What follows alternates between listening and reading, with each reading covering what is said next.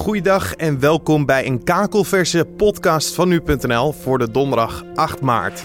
Mijn naam is Carne van Brink en ik praat je natuurlijk weer bij over wat er afgelopen nacht is gebeurd en wat vandaag op de planning staat. We gaan het bijvoorbeeld hebben over de Zweedse journaliste Kim Wall en Internationale Vrouwendag. Maar eerst blikken we kort terug naar het belangrijkste nieuws van afgelopen nacht. Bij een grote brand in een loods in Hoeven zijn twee mensen gewond geraakt. Tijdens de brand waren meerdere explosies te horen in de loods. Die werden veroorzaakt door materiaal dat daar was opgeslagen. De brandweer gaf rond twee uur het zijn brandmeester en de omgeving had nog wel last van de rook die vrijkwam bij de brand. De oorzaak is nog niet bekend.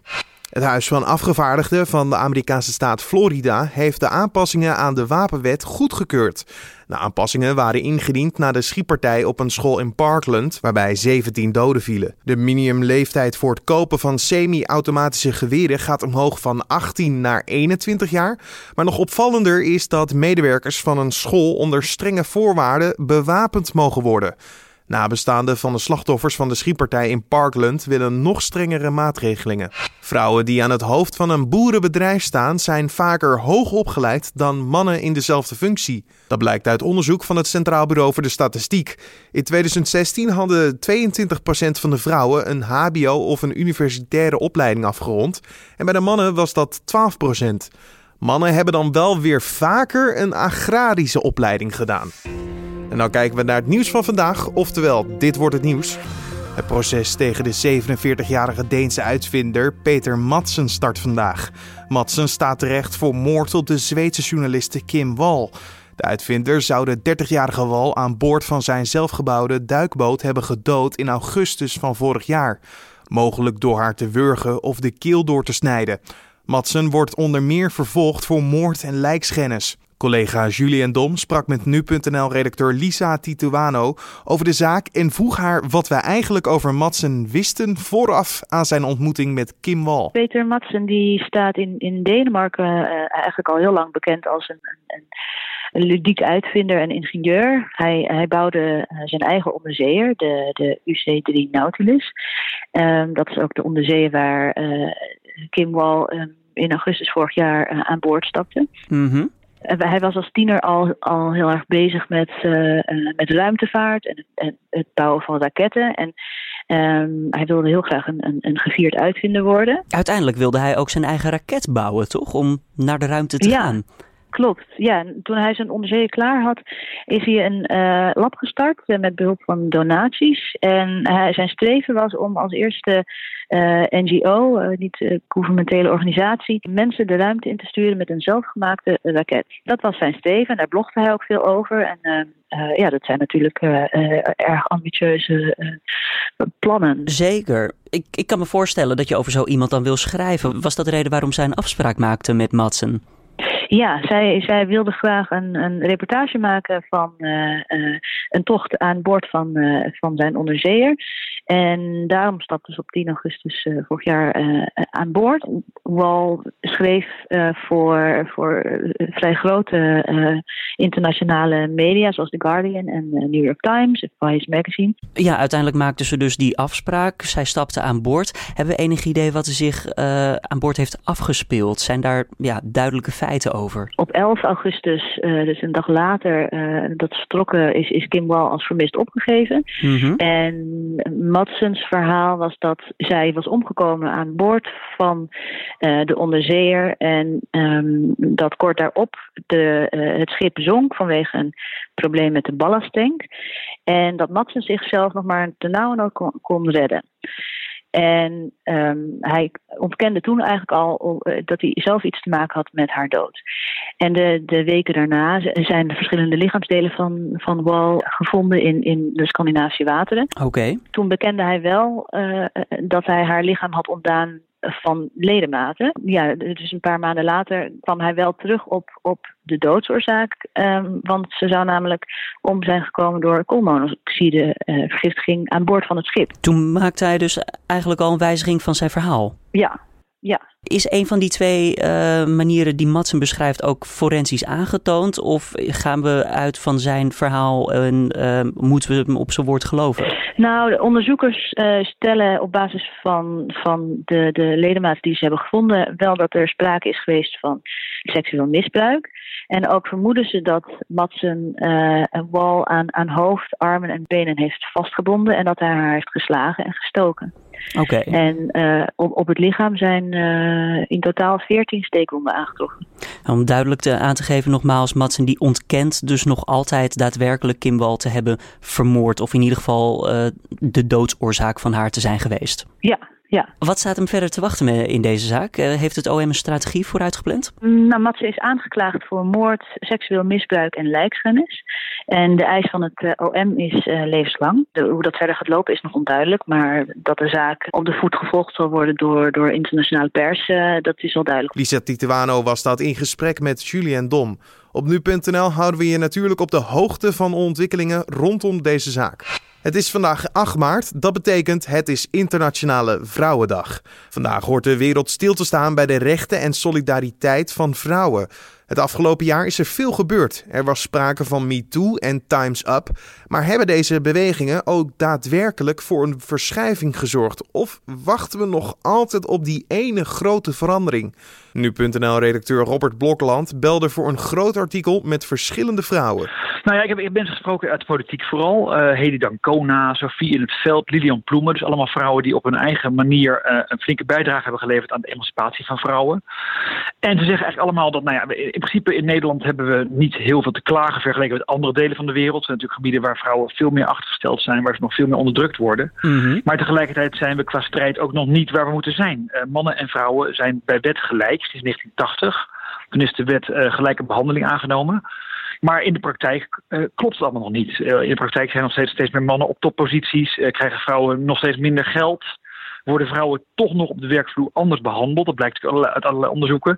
En de, de, de, ja, de, de, de winst die we daar op dat gebied boeken gaat eigenlijk vrij langzaam. Eigenlijk te langzaam vindt iedereen. Zijn er het afgelopen jaar dan wel verschuivingen geweest? Is er winst geboekt sowieso? Nou kijk, zaken als MeToo en Time's Up hebben natuurlijk uh, de strijd van vrouwen in de stroomversnelling gebracht. Uh, MeToo heeft aandacht getrokken, gevraagd voor de, het misbruik van vrouwen. Uh, Time's Up laat zien dat vrouwen het niet meer pikken en willen dat er iets verandert. De beweging die in Hollywood dankzij Oprah Winfrey in de stroomversnelling is gekomen. Maar tussen droom en daad zit een groot verschil. Het kabinet roept bijvoorbeeld ook, Mark Rutte roept bijvoorbeeld ook heel hard van uh, we moeten vrouwen meer plekken geven in topposities. Maar ja, als hij dan zelf in zijn kabinet vrouwen kan aanstellen, doet hij het niet. Omdat hij zogenaamd geen vrouwen kan vinden in de VVD die bijvoorbeeld minister kunnen worden. Dus, uh, en dat, zo gaat het al jaren, ook in Europa. Sofie in het Veld is D66 Europarlementariër. En die zegt, ik zit hier nu 20 jaar en elke keer als er een topfunctie uh, gekozen moet worden, zeggen de mannen van ja, de volgende keer doen we een vrouw. En dan de volgende keer zeggen ze weer de volgende keer. Dus zo verandert het niet zo heel veel en wordt het toch in stand gehouden. En ligt dat dan niet daadwerkelijk aan het feit dat er niet iemand van hetzelfde level van professionaliteit te vinden is op, als vrouw? Nee, dat, dat is, absoluut, is absoluut niet waar. Kijk, vroeger was het zo dat vrouwen minder naar school gingen, minder naar de universiteit gingen. Maar die inhaalslag is inmiddels gemaakt. Uh, sterker nog, uh, op het hoger onderwijs hebben vrouwen tegenwoordig een hoger kennisniveau dan mannen, blijkt uit allerlei onderzoeken. Dus het is absoluut niet zo dat er geen vrouwen te vinden zijn. Dus geen excuus dan eigenlijk? Nee, het is eigenlijk geen excuus. Wat je wel kan bedenken, en dat suggereren ook een aantal van de, van de dames die ik gesproken heb, uh, dat, dat mannen toch het, het oude mannenbolwerk in stand willen houden. Uh, als jij uh, als topman een, een, nieuwe rechterhand kan kiezen, dan kies je misschien liever iemand die je kent en waarvan je weet dat hij op dezelfde golflengte zit, in plaats van een vrouw die je minder goed kent en waarvan je niet zeker weet wat voor vlees je in de kuip hebt. Wat natuurlijk geen goed argument is, absoluut niet. Maar dat gebeurt dus nog wel steeds. Ja, dat is dus een van de punten waar nog kansen liggen. Zijn er ook nog andere plekken die aangepakt moeten worden? Nou ja, een groot probleem is nog de salariering. Uh, vrouwen krijgen op, uh, dezelfde positie als mannen minder geld over het algemeen dan die mannen. Krijgen minder loon. En ik heb bijvoorbeeld gesproken met Eva Koreman, uh, 3FM-DJ, die zichzelf feminist noemt. En die ook probeert om uh, bijvoorbeeld meer vrouwen op de zender te krijgen. En die, die noemde een wet in IJsland. In IJsland, als jij een groot bedrijf hebt, dan moet je de overheid inzage geven in jouw salariering. En als blijkt dat jij uh, vrouwen op dezelfde positie als mannen minder betaalt, dan krijg je een enorme boete van de overheid. En dat is, dat is een wetgeving die nu in Nederland wordt ook over gesproken. We moeten het zo gaan doen. En blijkbaar is dat nodig, want in dat opzicht ja, lopen vrouwen nog steeds achter. Van de vrouwen die jij hebt gesproken, Robert, zijn ze het allemaal met elkaar eens over de aanpak die nodig is? Nou, de, de meesten zijn het er wel over eens dat er iets moet gebeuren. wat wel een aantal vrouwen zeggen, is dat vrouwen zelf ook assertiever kunnen zijn. Ehm, Lilian Ploemen stelde bijvoorbeeld dat zij merkte dat heel veel vrouwen niet erg overtuigd zijn van hun eigen kunnen en dus niet hun mond opentrekken. Als het bijvoorbeeld gaat om een promotie. als er een baas kan kiezen tussen een man of een vrouw, dan weet die man beter zijn kwaliteiten op de voorgrond te brengen. Um, Bovendien uh, ervaren vrouwen op de werkplek elkaar, te snel als concurrenten. Uh, ook al is dat nergens voor nodig. Eva Koreman zei dat. Zij zit samen met een andere collega van 3FM, Angelique, in de dagprogrammering. Mhm. En op de een of andere manier zien ze elkaar als concurrenten. Terwijl dat bij mannen helemaal niet het geval is. Dan zien ze elkaar meer als collega's en als vrienden.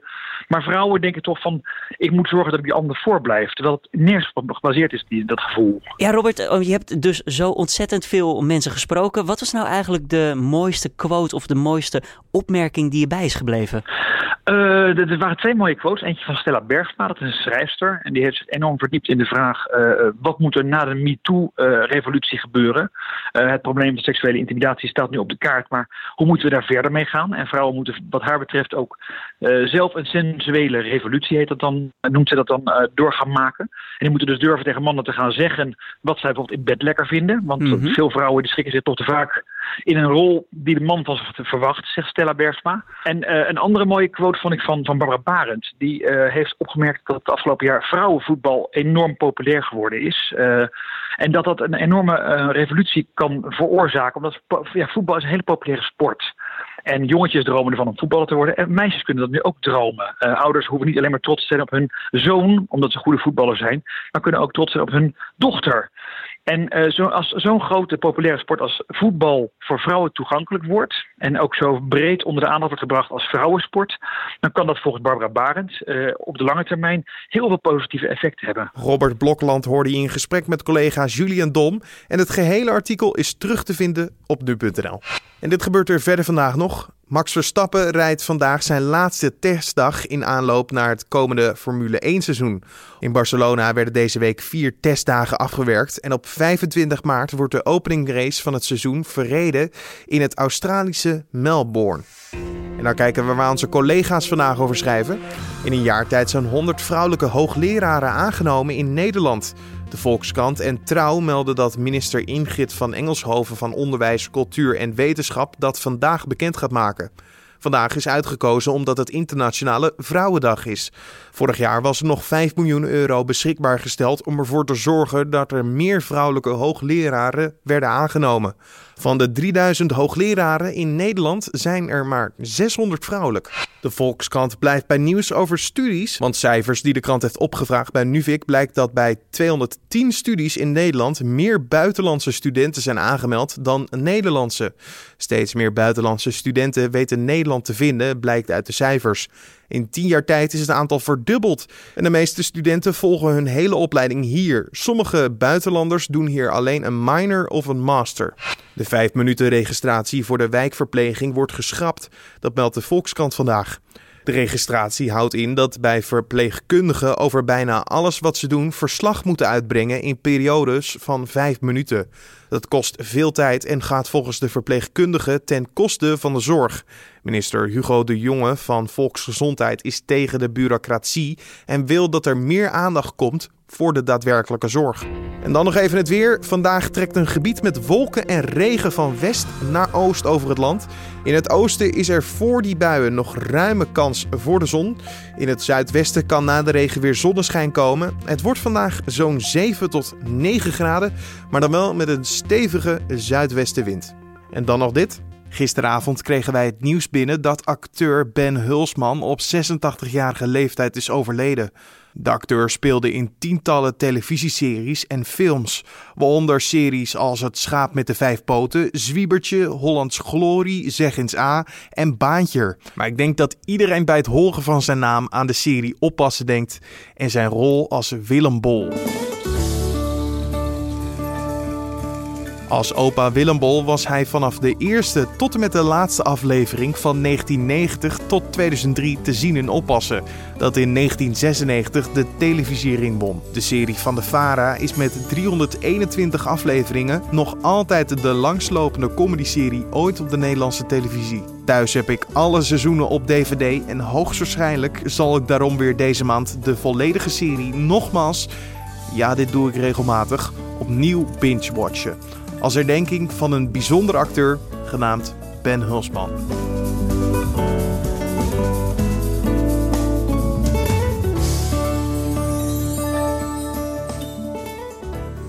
Dit was dan de Dit wordt het nieuws podcast voor de donderdag 8 maart. Je kan de podcast natuurlijk elke maandag tot en met vrijdag vinden op nu.nl om 6 uur ochtends. Je kan ons natuurlijk altijd een mailtje sturen naar redactie.nu.nl of gewoon nog makkelijker via een recensie op iTunes. Zet er even een cijfer bij van 1 tot en met 5. En misschien heb je nog ook wat leuks om te melden. Of misschien wat positieve feedback. Zet het nog even in de reacties. We horen het graag. Voor nu wens ik je een mooie dag en tot morgen.